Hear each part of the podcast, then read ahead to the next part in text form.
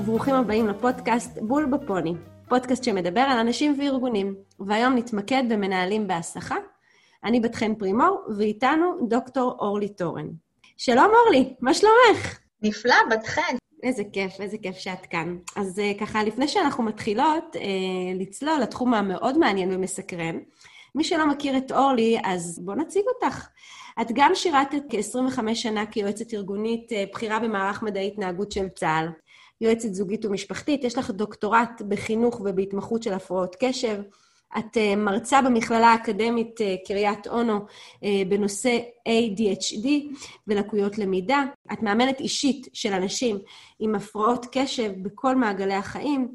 וואו, אורלי, איזה ניסיון עשיר ומרתק יש לך. תקשיבי, זה פשוט מטורף. מה, מה גרם לך לעבור מסלול מקצועי כזה מרתק? חושבת שהנושא של הפרעת קשב, מה שמעניין בו, זה שהוא מלווה אותך לאורך כל השלבים, מלווה אותך בגיל הצעיר, במערכת האקדמית וגם בהקשרים החברתיים, מלווה אותך אחר כך בשירות הצבאי, בלימודים אקדמיים, בזוגיות שלך, במקום התעסוקה שלך, שזה התחום שבעצם נתמקד בו היום, וחשבתי שיש פה איזשהו מקום לחבר בין כל עולמות, עולמות הידע, גם האקדמיים שלי וגם התעסוקתיים שלי. ואני חושבת שיש פה מפגש בין עולמות, ומפגשים וחיבורים זה משהו שהם מאוד יקרים לליבי. לגמרי. חיבורים זה דבר מאוד חשוב, ואני חושבת שבהחלט אה, את מייצרת כאן איזושהי אה, קומבינציה של תחומים שהיא באמת לא תסולא מפז. אז אה, תגידי, אורלי, מה, מה עם הפרעות קשב, ואיך זה בא לידי ביטוי אצל מבוגרים? קודם כל, הפרעת קשב היא הפרעה נוירולוגית, היא בדרך כלל תורשתית. ההיבט המרכזי בהפרעת קשב הוא סיפור של נוירוטרנסמיטר שובב וקטן שנקרא דופמין. אני מזכירה אותו כי אחר כך בהמשך אנחנו נדבר איך אנחנו בעצם שומרים על רמה גבוהה שלו. רמה גבוהה של דופמין במוח מאפשרת להתמודד עם הרבה מאוד ביטויים והיבטים של הפרעת הקשב. עכשיו, הפרעת קשב יכולה לידי ביטוי או בקשיים בקשב, החולמנים האלה, כל מיני ככה שוכחים דברים, אה, או בהיפראקטיביות ואימפולסיביות, התנועתיים, הזזים, התזזיתיים, אוקיי? ולפעמים יכולה לבוא, יכולה לבוא גם וגם. זה הזמן לנפץ מיתוס ראשון. הפרעת קשב לא עוברת בבגרות. הפרעת קשב נשארת גם אצל אנשים אה, מבוגרים. עכשיו, מה שמעניין זה שהרבה פעמים מנהלים אה, ככה שמגיעים אליי אומרים, את יודעת איך גיליתי שיש לי בכלל הפרעת קשב? לקחתי את הבן שלי או את הבת שלי לאבחון, ופתאום אמרתי, וואו, זה בדיוק מה שיש לי. ואני חושבת שהביטויים של הפרעת קשב בעולם המבוגרים, בעולם התעסוקה, זה משהו שבאמת ככה, בזכות ההזמנה שלך, נוכל להעמיק בו ולתת כלים לאנשים איך להתמודד איתם בצורה מיטבית. כי המוטו שאני מאוד מאמינה בו, אנשים עם הפרעת קשב לא חייבים לסבול מהפרעת קשב, אפשר להצליח ובצורה נפלאה. אז אה, אחרי, ש... אחרי שככה תיארת את ההגדרה אה, של הפרעות קשב, אה, איך זה בא לידי ביטוי הפרעת הקשב הזו בעולם התעסוקה? אז זו שאלה נפלאה, ואני רוצה להתייחס אליה משתי זוויות. מה הערכים המוספים שמנהל יכול להרוויח מזה שיש לו הפרעת קשב, או שהארגון יכול להרוויח מזה שיש לו הפרעת קשב? בהקשר הזה, הרבה מאוד מנהלים ויזמים הם אנשים הפרעת קשב. הם בעצם משתמשים בפעלתנות שלהם, בצורך שלהם בריגוש, בחיפוש אחרי אתגרים חדשים, המרץ, ההתלהבות, שווקים חדשים, יוזמות חדשות. כל ההיבטים האלה גורמים לזה שבאמת הרבה מאוד uh, יזמים מאופיינים כאנשים עם הפרעות קשב.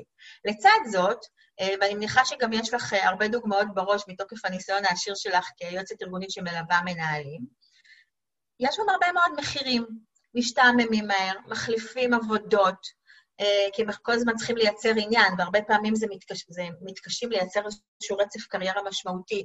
אה, איחורים, אה, לא מצליחים להגיש דברים בזמן, מוסכים כל הזמן, קושי לסיים דברים שהם התחילו, וגם הרבה פעמים גם התפקידים שהם רוצים וגם השכר, כתוצאה מהתפקידים האלה, לא תואם בהכרח את הכישורים האינטלקטואליים שלהם, משום שהרבה פעמים קשיי הארגון בתכנון, שנדבר עליהם בהמשך, יכולים uh, לפגוע.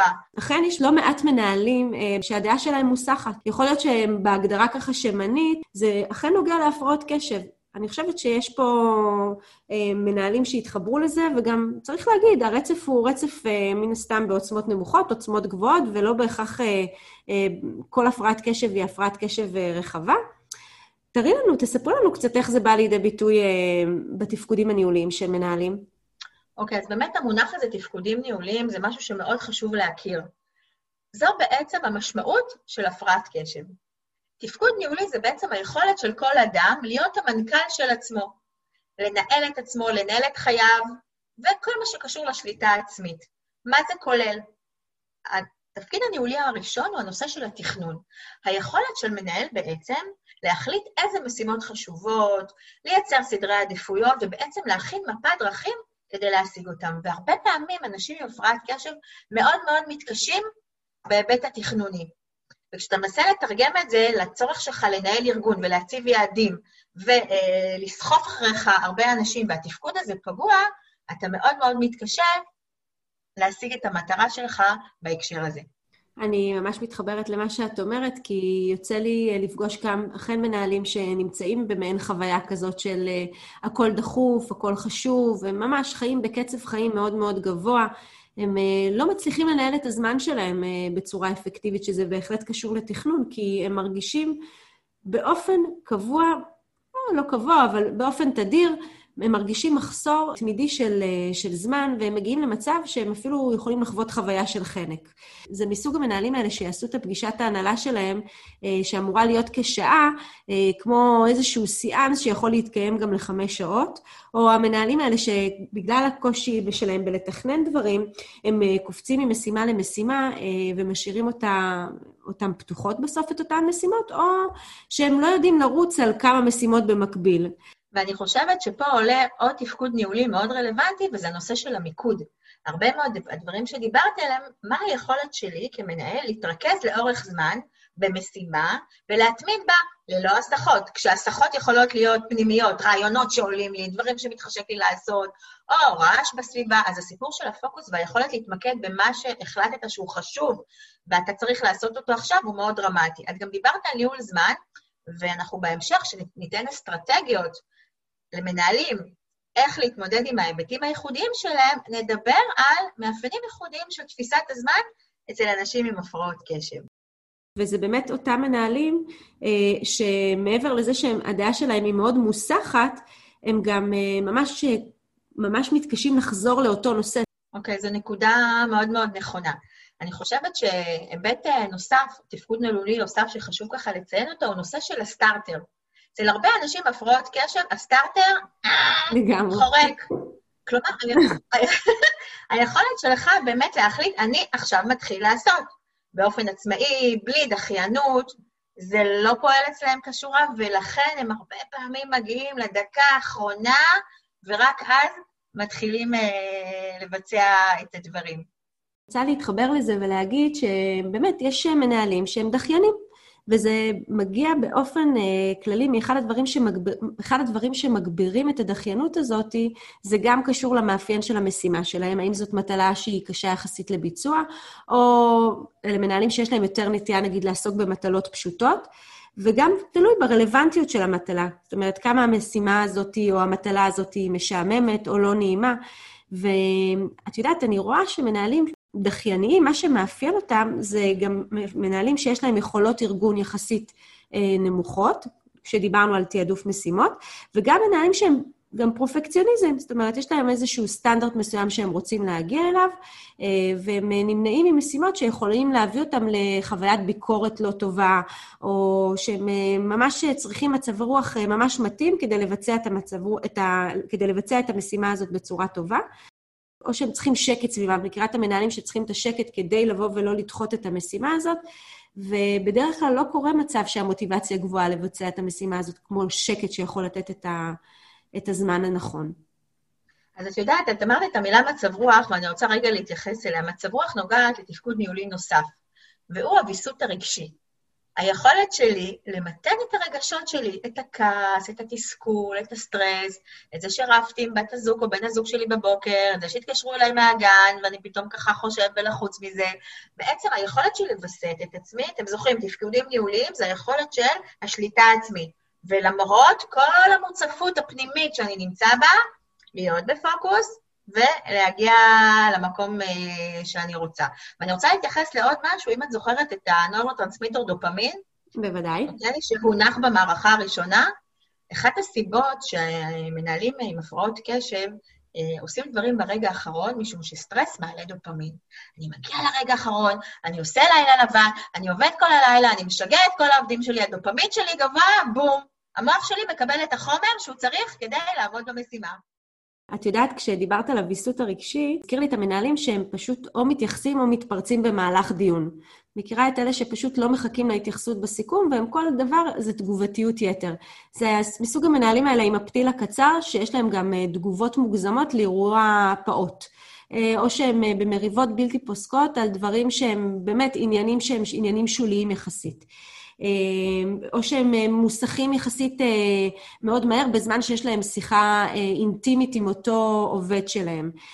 ואת יודעת, גם יצא לי, לצערי, להיפגש עם, לפגוש מנהלים שהם גם נותנים אמירות פוגעניות, שבדיעבד הם מצטערים עליהם, אבל זה משהו בוויסות הרגשי שלהם, שבאותו הרגע היה נראה להם בול נכון להגיד את אותו דבר. אז הגענו לפתיל, עיכוב תגובה. מה זה עיכוב תגובה? בא לי להגיד לעובד עכשיו, הרגזת אותי. מעיף אותך עכשיו. איך קיבלתי אותך בכלל? אבל, אוקיי, כשאין לי פגיעה בתפקודים הניהולים, אני יודע רגע לעצור, אני יודע לנשום שנייה, אני יודע שאני צריך רגע לחשוב על התוצאה של מה שאני אומר כדי למנוע תוצאות לא רצויות, אבל כשהנושא של עיכוב התגובה לא מתפקד כהלכה, אצל חלק מהאנשים מהתפקודים הניהולים, אני לא מסוגל לעשות את זה. מסכימה איתך, זה בהחלט חיזוק אה, נכון.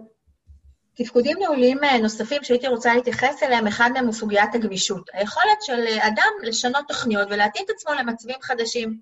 אני חושבת שהתקופה הנוכחית אתגרה את זה והמחישה כמה הנושא הזה חשוב, ולא תמיד היכולת הזאת לבצע מעברים היא יכולת שמתפקדת היטב אצל אנשים עם הפרעת קשב, ולבסוף, היכולת המשמעותית ביותר היא היכולת לבצע בקרה עצמית. להתבונן בתפקוד שלך במבט על, במטה-אנליסיס, ולהבין מה עובד, מה פחות עובד, במה הצלחתי, במה פחות הצלחתי. ואני חושבת שזו באמת אה, יכולת אינטגרטיבית שמאפשרת הרבה מאוד התפתחות. נקודה שמאוד חשוב לי לציין, בדיוק כמו שיש מנעד בחומרה של הפרעת הקשב שציינת קודם לכן, לא אצל כל המנהלים עם הפרעת קשב יש פגיעה בכל התפקודים האלה שציינתי. אצל חלק יש בחלקם, אצל חלק יש ברובם, אצל חלק יש בכולם, אבל בהחלט אה, לא הכל אצל כולם, ומאוד מאוד חשוב להכיר מה הפרופיל, ואנחנו גם לזה נתייחס בהמשך בשלב האסטרטגיות. אפשר באמת אה, להבין אה, שהמפגש הזה הוא באמת מורכב עבור אנשים שהם גם מנהלים, אה, שהם מתקשים לנהל את עצמם, וזה נכון לא רק לדרג הניהול, זה גם נכון אה, לעובדים עם הפרעות קשב. אז מה, מה הם הכלים להתמודדות עם הפרעות קשב כמנהל? אז אה, אנחנו ככה נמפה יחדיו מגוון של אסטרטגיות למנהלים ולמנהלות. אנחנו דיברנו כל הזמן למנהלים, כמובן שמדובר גם במנהלות. כן חשוב לציין שהרבה פעמים אצל מנהלות, או בכלל אצל בנות ונשים עם הפרעת קשב, לפעמים יותר קשה לזהות את זה, כי זה מגיע ללא היפראקטיביות חיצונית ואימפולסיביות חיצונית, אבל כשאנחנו מתבוננים על התופעה הזאת מזווית התפקודים ניהוליים, אפשר, בהחלט אפשר לזהות את זה. אסטרטגיה ראשונה היא קודם כל, בוא תבין כמנהל, או בואי תביני כמנהלת, מה הפרופיל הייחודי של התפקודים הניהוליים שלך. מה מאפייני הפרעת הקשב אצלך או אצלך. כי זה לא אותו דבר אצל כולם. וברגע שאתה מבין מה הפרופיל ואתה מבין איזה תפקוד ניהולי אתה צריך לחזק, תוכל לעשות את זה בצורה הטובה ביותר. היבט נוסף שאני רוצה להדגיש בהיבט הזה של המודעות והמיפוי, הוא לראות שמי שמלווה אותך בנושא של גיבוש האסטרטגיות הוא מישהו שמבין את הפרעת הקשב, מישהו שמומחה באיך המוח של אנשים עם הפרעת קשב פועל, על מנת שיוכל להתאים דברים שמתאימים לך. מסכימה איתך לחלוטין, אורלי. אני חושבת שבאמת חשוב להבין שאנחנו כיועצים וכאנשי מקצוע, אה, אנחנו יכולים לסייע בלשפר את המיומנויות של הניהול של אותו מנהל, אבל אנחנו לא יכולים להוות תחליף אה, למומחיות בתחום הקשב. זה מומחיות בפני עצמה, כמו שאתה הולך לרופא שיניים, אז אתה, רופא שיניים לא יטפל לך אה, באונקולוגיה חלילה או בתחומים אחרים. כל תחום לגופו, וזה בהחלט מומחיות תוכן אה, בפני עצמה. נעבור לאסטרטגיה הבאה. דיברת הרבה על דחיינות וכל הנושא של הזמן. עלה הרבה בדוגמאות שלך. אז ניהול זמן. עכשיו, הכלים, אה, בהמשך למה שאמרת, הרגילים של ניהול זמן, לא בהכרח עובדים עם אנשים הפרעות קשב. אתה יכול ללמד אותם דחוף, חשוב, וסטיבן קובי וכל הטבלאות, אבל מה בעיית השורש? time blindness. לאנשים עם הפרעת קשב יש עיוורון לזמן. תפיסת הזמן שלהם שונה. בדרך כלל הם נוטים להעריך את משך הזמן שייקח להם לבצע את המשימה כקצר יותר.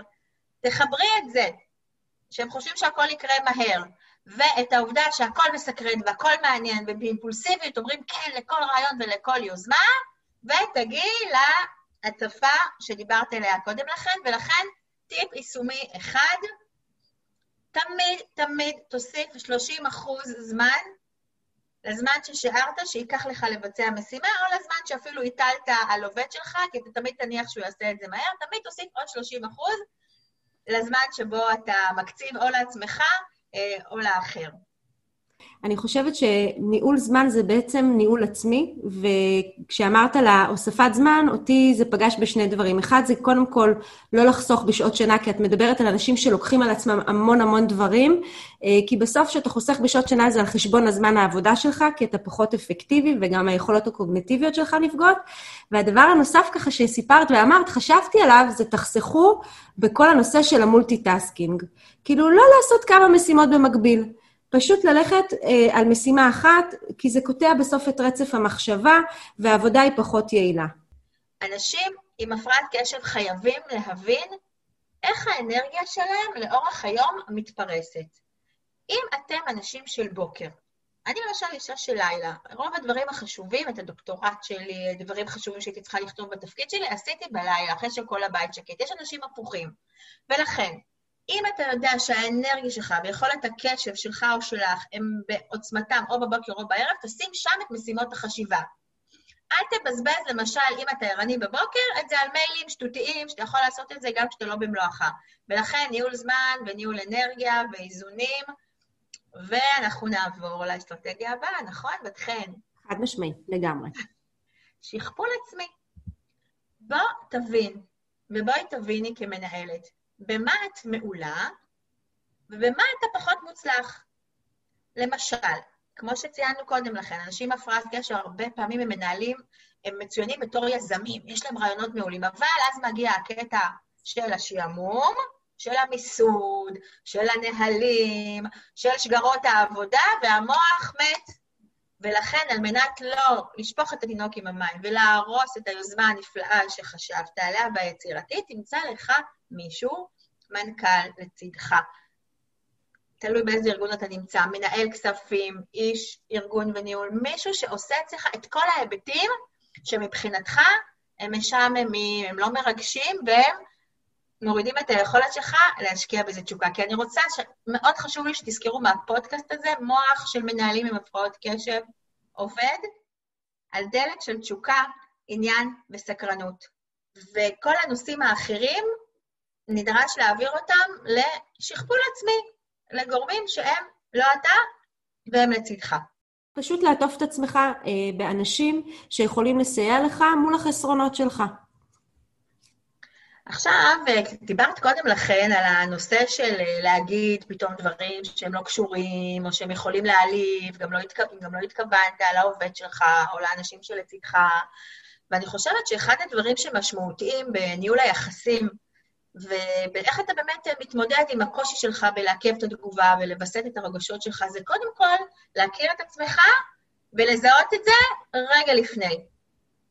כלומר, כשאתה כבר מרגיש שאתה דקה לפני להוציא את זה, והרבה פעמים אנשים עם הפרעת קשב חושבים מהר. דרך אגב, פעם הייתה הבחנה בין ADHD ל-ADD. כלומר, שהמרכיב שהבחין זה המרכיב של ההיפראקטיביות. ואז הבינו שזה לא ההיפראקטיביות החיצונית בהכרח, ההתנהגותית, אלא המוח נמצא כל הזמן בהיפראקטיביות, הוא כל הזמן חושב, ולכן ביטלו את ההבחנה הזאת. ולכן אני חושבת שחושבים מהר, הקצב מהיר, ולפעמים הפער הזה עם עובדים שנמצאים בקצב אחר יוצר המון תסכול וקצרים בתקשורת. ולכן אחד תהיה מודע לזה, שאתה מתקשה בלעכב תגובה, ככה זה אחריות, ותמצא מתודולוגיה לזהות לפני שזה בא, ולעצור. העצירה יכולה להיות או על ידי דיבור עצמי פנימי של עצור, או שאפילו תבקש ממישהו שהוא יעשה לך סימן קטן, שאתה צריך להבין שאתה נכנסת למסלול שאתה צריך uh, לחזור ממנו, ובעיקר, קח על זה אחריות ואל תאשים את העובדים או את העובדות בקושי שלך באיפוק. אה, פעם שמעתי אמירה חכמה, אני לא זוכרת האמת ממי, אבל אני בכל זאת אגיד אותה, שלא משנה כמה היומן שלך מסודר וכמה המטרות שלך כמנהל מתוכננות, אם אתה לא בהלך רוח אה, של פרודוקטיביות למשל, אז אתה לא מצליח להשיג תוצאות. זאת אומרת, אותו דבר גם עם מה שתיארת פה עם הרגש. כאילו, אם אתה לא מבין ומעלה לעצמך לתודעה שאתה יכול להיות במצב שתשבור את הכלים או שפשוט תאבד את השליטה, אז אתה, אתה לא תצליח אה, לנהל את הרגש הזה בצורה הטובה ביותר. ובאמת, קודם כל, להעלות לתודעה את ההבנה הזאת שאתה בן אדם שיש דברים שמקפיצים אותך, אתה כבר מנהל את הרגש הזה אחרת. ומכיוון שאני מגיעה מהגישה האימונית, אז אני לא מסתפקת בתודעה, ואנחנו צריכים לראות איזה התנהגות אנחנו מאמצים או משנים במציאות, בפועל, ולא רק במוח שלנו, שמביאה לשינוי. זה יהיה בצורה של baby steps, זה יהיה בצורה של מטרות קטנות, אבל מה אנחנו עושים אחרת במציאות כדי לנהל אחרת את היחסים שלנו, ולא רק ברמת התודעה. מערכת נוספת שככה לא פועלת במיטבה אצל אנשים עם הפרעת קשב, זה בעצם אה, RDS, המערכת התגמולים הפנימית. אנשים ללא הפרעת קשב יכולים לעסוק בהרבה מאוד תפקידים משעממים. למה? כי מסבירים לעצמם, זה חשוב, זה משמעותי, זה טוב לי לטווח הארוך. אצל אנשים עם הפרעת קשב זה לא עובד. יש חסך בתחושת השכר הפנימי. ולכן, מנהלים ומנהלות יקרים ויקרות, אירחו לעצמם, לעצמכם רשימה של צ'ופרים. איזה דבר אתם תיתנו לעצמכם בסוף המשימה שהיא מאוד קשה לכם. למשל, אם נקלעתם לדיון ארוך, שוב, כדאי לנהל את הלו"ז אחרת כדי לא להשבת הרבה זמן, כי זה קשה לכם, אבל נגיד שאין לכם ברירה. מה יחזיק לכם את הקשב? מה תיתנו לעצמכם בסוף? כוס קפה הפוך, שיחת טלפון עם, גלישה... סיגריה. אנחנו בבריאות, בענייני בריאות. אני מתנצלת, אבל פשוט אני רואה את זה, את המנהלים האלה שנמצאים בסוף הדיון כבר אה, חנוקים ורצים ישר אה, לשער. אוקיי, okay, אז רשימת צ'ופרים. טלפון למישהו שנורא בא לי לדבר איתו. אה, להסתכל קצת ברשתות החברתיות. זאת אומרת, משהו, מערכת חיזוקים חיצונית, שאת יודעת שאת תני לעצמך ברגע שתסיימו. ומה שהייתי רוצה בעצם לסיים פה מבחינת האסטרטגיות, דיברנו הרבה על הקושי הניהולי של התכנון, ומאידך על המרכזיות שלו בתפקיד המנהלים, כי בעצם הוא צריך לא לתכנן רק את עצמו, אלא את כל הארגון. ולכן האסטרטגיה המומלצת מאוד פה היא הנושא של פירוק לבייבי סטפס. קודם כל, תחזיק מה המטרות הגדולות שלך, ותזכור שיש לך נטייה להתאהב בהמון המון מטרות, ואתה תתעסק הרבה פעמים בדברים שמרגשים אותך, מעלים לך את הדופמין, אבל הם לא בהכרח הדברים החשובים שטובים לך לטווח הארוך. אני מחברת את זה גם לדברים של מערכת החיזוק הפנימית. אתה מונע מסיפוק מיידי, ולכן אתה רוצה את הדברים הקצרי טווח, שנותנים לך מהר מאוד את הפידבק. ותזכור את זה, ולכן תגן על עצמך על ידי מטרות ארוכות טווח שמפורקות למשימות קטנות. עוד אסטרטגיה באותו הקשר של התכנון, היא הנושא של הרוטינות. תעשה כמה שיותר דברים שלא תלויים בבחירה שלך. רוטינת בוקר, רוטינת מעבר על מיילים, רוטינת בקרה, רוטינות שמאפשרות לך בעצם לבצע דברים באופן אוטומטי שלא מושפעים מהתפקודים הניהוליים שלך. ואני בטוחה מההיכרות שלי איתך ועם מגוון המנהלים של ליווית, שיש לך המון דוגמאות בהקשר הזה של התכנון וגם דברים שעובדים. גיליתי שאכן מה שמאוד עוזר זה העיקרון המינימליזם. מכירה אותו? אני ממש אשמח לשמוע עליו שוב. אז החוכמה במינימליזם זה שבמקום לשאול את עצמך כל הזמן מה אתה רוצה עוד, לשאול גם מה אתה יכול לוותר. כאילו, מה לא נחוץ לי באותו זמן, ואז זה מפנה יותר זמן אה, למה שיותר חשוב ומהותי. אני, יש משפט שאני מאוד אוהבת של סטיב ג'ובס, שאומר שלהחליט מה לא לעשות חשוב באותה מידה מלהחליט מה כן לעשות. ו, ומנהלים צריכים uh, לשפר את היכולת הזאת ולהגיד מה אנחנו לא עושים כדי להוריד את העומס ואת הסטרס ואת הלחץ ואת ה, הצורך בלתכנן את הכל ולהגיע להכל מעבר למה שתיארת כאן, שזה בהחלט אני מתחברת. מאוד uh, מתחברת לסוגיה הזאת של מה לא, ושוב, למה היא עוד יותר עוצמתית אצל אנשים עם הפרעת קשב? בגלל הנטייה הרבה שלהם להגיד כן, כי זה ממריץ, וזה, וזה גורם לך לעוד אנדרופינים ולעוד דופמינים במוח, ואני רוצה להיות בקצב ורצף, וככה אני מרגיש הרבה יותר שליטה. וגם לעצור רגע ולהגיד, רגע, מה לא? וואו, קודם כל, האנשים שלך יעריכו אותך, ואתה גם תהיה יותר מנוהל, אתה תצליח להתגבר על כל ההצפה התמידית הזאת. ואני חושבת שהסוגיה המשמעותית שאני רוצה לדבר עליה זה הנושא של תנועה. אנחנו בעולם יושב. אנחנו יושבים, הקורונה הושיבה אותנו עוד יותר. אם פעם כדי להשיג משהו היית צריך ללכת, אפילו כדי לאכול צהריים, נכון? למקום של כל המסעדות השבועות, עכשיו לא, מביאים לך את זה גם לפתח הבית, אתה רוצה אלכוהול, אתה כבר לא הולך לבר. נכון? החברת הייטק שלך מביאה, מביאה לך הביתה קוקטיילים וגם אומרת לך איך לעשות את זה, אתה רוצה לשמוע הופעה, אתה מקבל, אתה לא זז, אתה יושב. לגמרי. אנשים עם הפרעת קשב, מכת מוות. חוסר תנועה, דופמין אפס. ולכן, במסגרת תכנון הלו"ז היומי, תכניסו תנועה. חצי שעה של פעילות אירובית נותנת לנו כשעה של קשב נטורל מהטבע, ולכן לטייל עם הכלב, לצאת לסיבוב, לעשות פגישה עם העובד שלך תוך כדי הליכה. לא חייב לעשות את זה בישיבה. תפעילו את המוח היצירתי שלכם ותזכרו תנועה.